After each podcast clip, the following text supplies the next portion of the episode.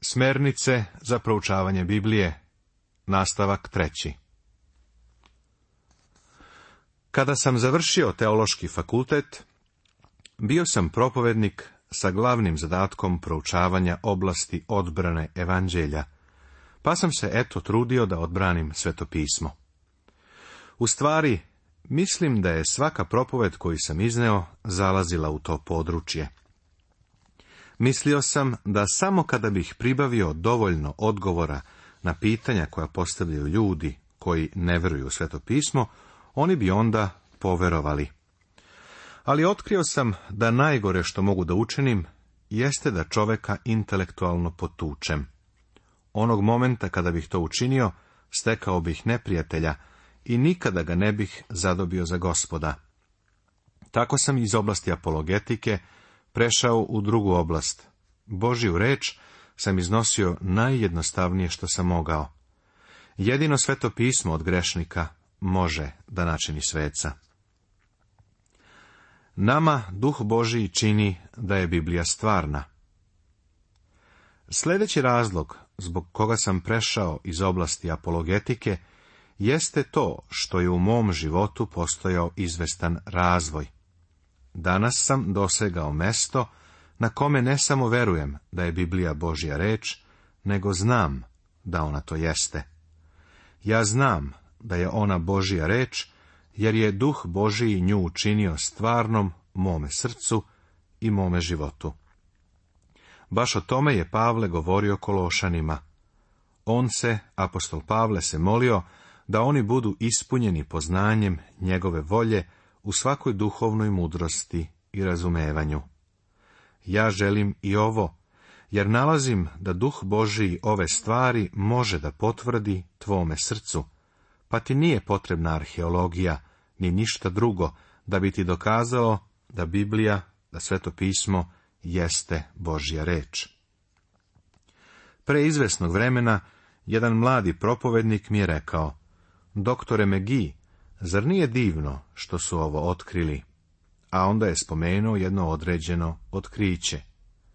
A ja sam uzvratio, ne vidim tu ništa zbog čega bi se trebalo uzbuđivati.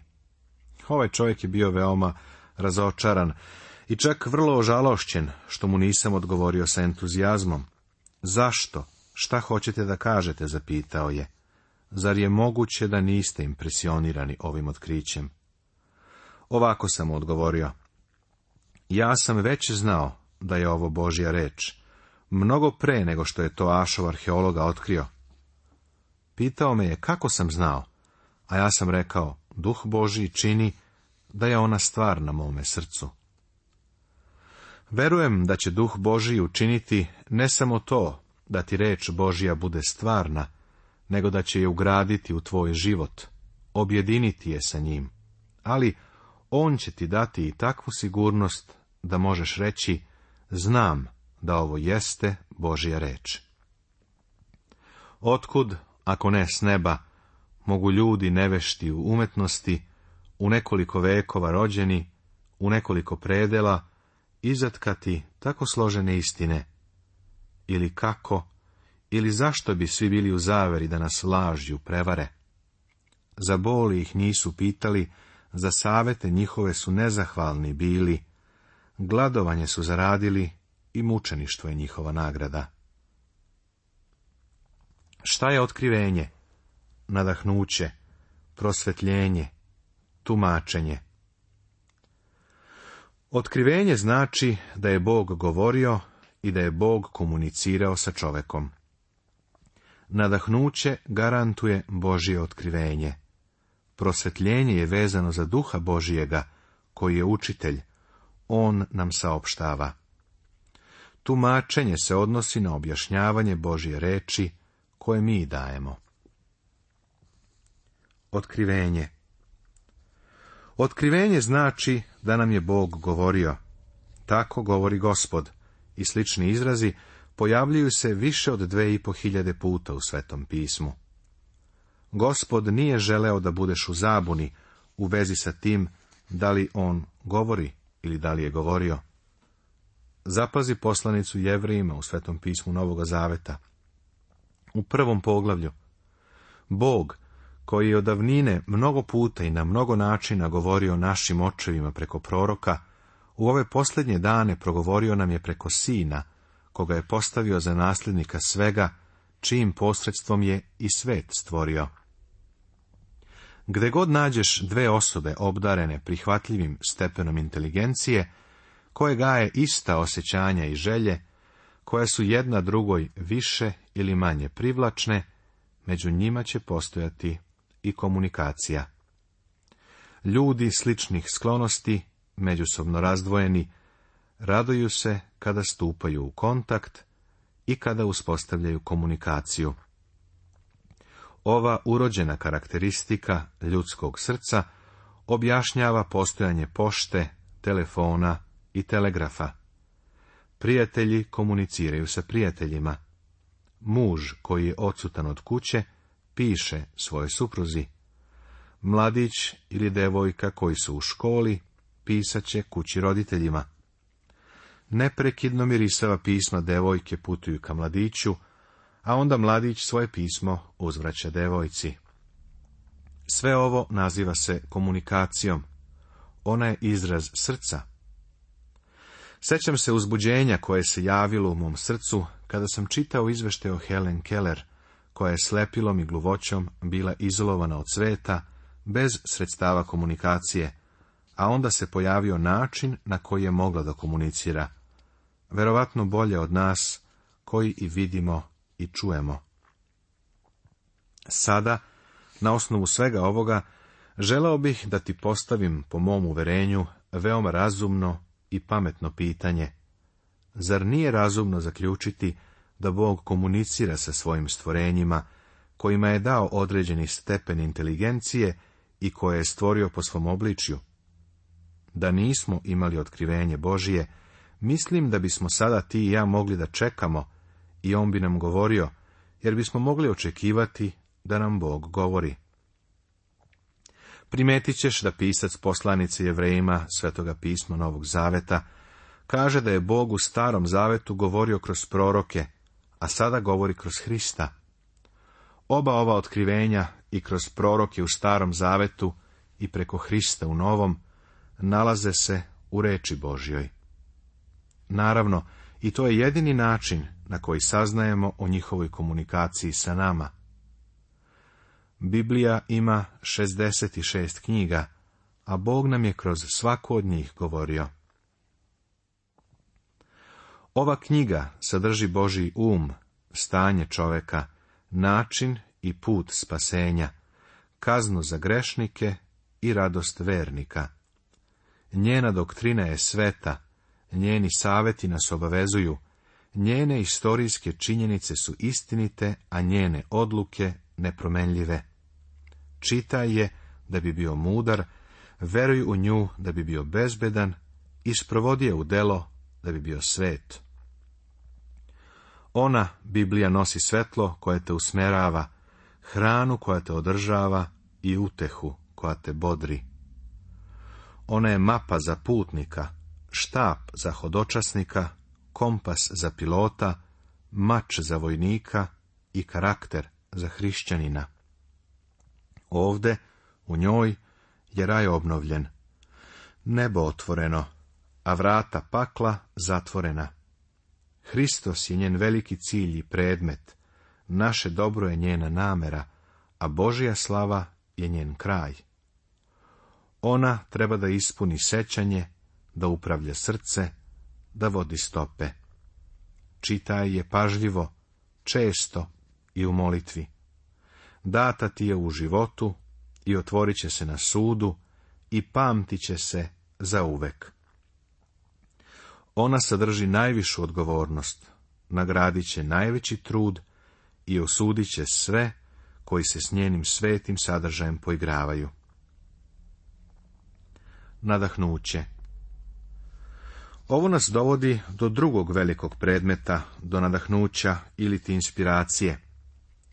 Lično verujem u ono što je poznato kao potpuna verbalna inspiracija Svetog pisma, što znači da je Biblija autoritativan iskaz, saopštenje, tvrđenje i da je svaka njena reč, reč Božija nama i za nas u ovom danu u kome živimo nadahnuće nam garantuje da je reč o Božijem otkrivenju.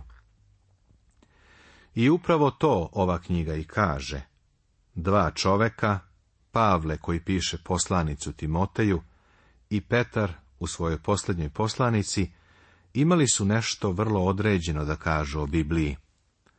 Sve pismo je Bogo nadahnuto i korisno za pouku, za karanje, za popravljanje, za odgajanje u pravednosti, da Boži čovek bude savršen, pripravljen za svako dobro delo.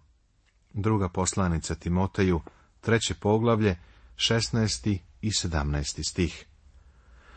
Zapazi da je sve pismo Bogu nadahnuto.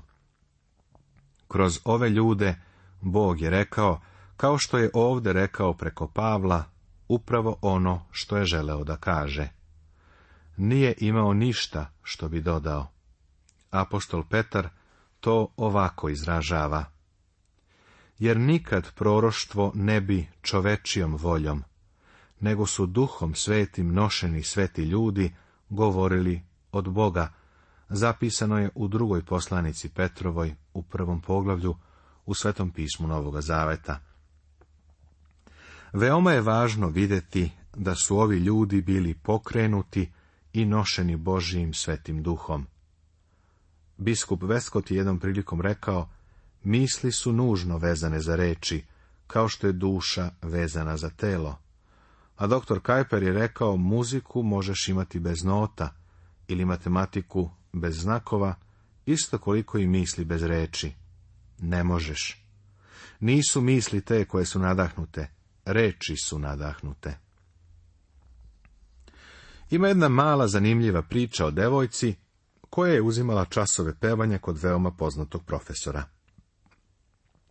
On je na kraju prisustvovao njenom koncertnom izvođenju i kada se koncert završio, ona je sa nestrpljenjem čekala na njegovu reakciju. On nije prišao da joj čestita, pa je onda ona upitala prijatelja šta je rekao. A njen odani prijatelj je odgovorio, rekao je da si rajski pevala. Pa nije baš sasvim poverovala da je njen profesor baš tako rekao, pa je i dalje ispitivala. A da li je on to baš tako rekao? Pa ne, ali je tako mislio. A onda je devojka insistirala. Kaže mi, molim te, tačne reči koje je upotrebio. Pa tačne reči su, ovo je vanzemaljska buka. Očigledno je da postoji razlik između vanzemaljske buke i rajskog zvuka. Važne su tačne reči. Veruj mi, reči pisma su nadahnute, ne samo misli, nego reči. Na primjer, Sotona nije bio nadahnut da izrekne laž, ali Biblija beleži da je rekao laž. Reči su nadahnute. A gospod Isus je često govorio, napisano je, tako je citirao Božiju reč iz Starog Zaveta, odnosno ljude koji su dali ono što je Bog imao da kaže. U drugoj knjizi Mojsijevoj 20. poglavlju Svetoga pisma Staroga Zaveta, Mojsije je napisao, tada reče Bog sve ove reči, govoreći. Bog je govorio, a Mojsije je pisao ono što je Bog rekao. Tokom godina otkriveni su mnogi izvanredni rukopisi Svetoga pisma. Govoreći o rukopisima u Britaniji, Sir George Kenyon, kasniji direktor i upravnik biblioteke čuvenog Britanskog muzeja, dao je ovu izjavu. Zahvaljujući ovim rukopisima, običan čitalac Svetoga pisma može da bude siguran u pouzdanost teksta. Osim nekoliko nevažnih verbalnih izmena, ono što je prirodno u knjigama koje su rukom prepisivane, u Novom Zavetu, sasvim smo sigurni, potpuno je nedirnuto. Danas možemo biti sigurni da ono što imamo jeste blisko originalnim spisima, u najvećoj mogućoj meri, a ja verujem u potpuno verbalno nadahnuće originalnih spisa. U drugom veku Irinej, jedan od velikih crkvenih otaca, napisao je Sveto pismo je zaista savršeno, jer je ono izrečeno Božjom rečju i Božijim duhom. Avgustin, koji je živeo u petom veku, ovo je izjavio. Priđimo i poklonimo se autoritetu Svetoga pisma, koje ne može ni da pogreši, ni da prevari. A Spurgeon, čuveni britanski propovjednik 19. veka, je ovako komentarisao. Nikada ne sumnjam u doktrinu potpunog verbalnog nadahnuća, obzirom na to da stalno u stvarnoj praksi uviđam kako reči koje je Bog želao da kaže množina, a ne jednina, jesu blagoslov za duše ljudi. Bog u ovoj knjizi govori srcima i životima. Prosvetljenje Prosvetljenje znači da kad već ti i ja imamo knjigu, Božiju knjigu i ljudsku knjigu, koju su napisali ljudi koji su izražavali svoje misli i u isto vrijeme zapisivali Božju reč, jedino nas duh božji može njoj naučiti. Iako samostalno možemo iz Biblije saznati činjenice, duh Božiji će morati da nam otvori um i srce ako želimo da razumemo duhovnu istinu koja se tu nalazi. Pišući poslanicu Korinčanima, apostol Pavle je rekao, nego govorimo Božju mudrost u tajni, skrivenu mudrost koju je Bog pre svih vekova predodredio za našu slavu, koju ni jedan od vladara ovoga sveta nije upoznao, jer da su je upoznali, ne bi raspeli gospoda slave. Nego propovedamo, kao što je napisano, što oko ne vide i uho ne ču, i u ljudsko srce ne dođe, što ugotovi Bog onima koji ga ljube. Ovo je zapisano u prvoj poslanici Korinčanima u drugom poglavlju Svetoga pisma Novoga Zaveta. Ti i ja od onoga što saznajemo najviše primamo kroz vrata vida i vrata sluha ili razumom. Pavle nam ovde govori da ima nekih stvari koje oko nije videlo, ni uho čulo, neke stvari koje uopšte ne mogu dopreti u tvoj um. Pa kako u ovom svetu možeš da dođeš do njih? A nama je Bog otkrio posredstvom duha, jer duh ispituje sve i dobine Božije, Ovaj stih zapisan je u prvoj poslanici Korinčanima u drugom poglavlju Svetoga pisma Novog Zaveta. Stih deveti se često povezuje sa pogrebom. Sveštenik smatra da samo onaj koji je umro na ovoj zemlji baš i nije mnogo znao, a sada će saznati ono što pre nije znao. Iako je ovo verovatno istina, u nebu ćemo steći prilično obrazovanje, naš stih ne govori o tome, Mnogo pre nego što stigneš do pogrebnika, u ovom životu je mnogo stvari koje možemo da naučimo prirodnim putem. Duh sveti treba da bude naš učitelj. Seti se o čemu se naš gospod raspitivao kod svojih učenika. Šta govore ljudi o meni? Oni su odgovorili da jedni govore jedno, a drugi drugo. I danas možeš dobiti različite odgovore od skoro svake osobe koju zapitaš. Mnogi su različiti stavovi o njemu. A onda je upitao svoje učenike, a vi šta kažete, ko sam ja? Odgovori Simon Petar i reče, ti si Hristos, sin Boga živoga. A Isus odgovori i reče mu, blažen si Simone, sine Jonin, jer ti to ne otkri telo i krv, nego otac moj koji je na nebesima. Ovo je zapisano u Evanđelju po Mateju u 16. poglavlju Svetoga pisma Novog Zaveta. Bog je Simonu Petru otkrio istinu. I danas samo Bog može Božju reč da otvori za nas, da bismo je razumeli. Nastavit će se.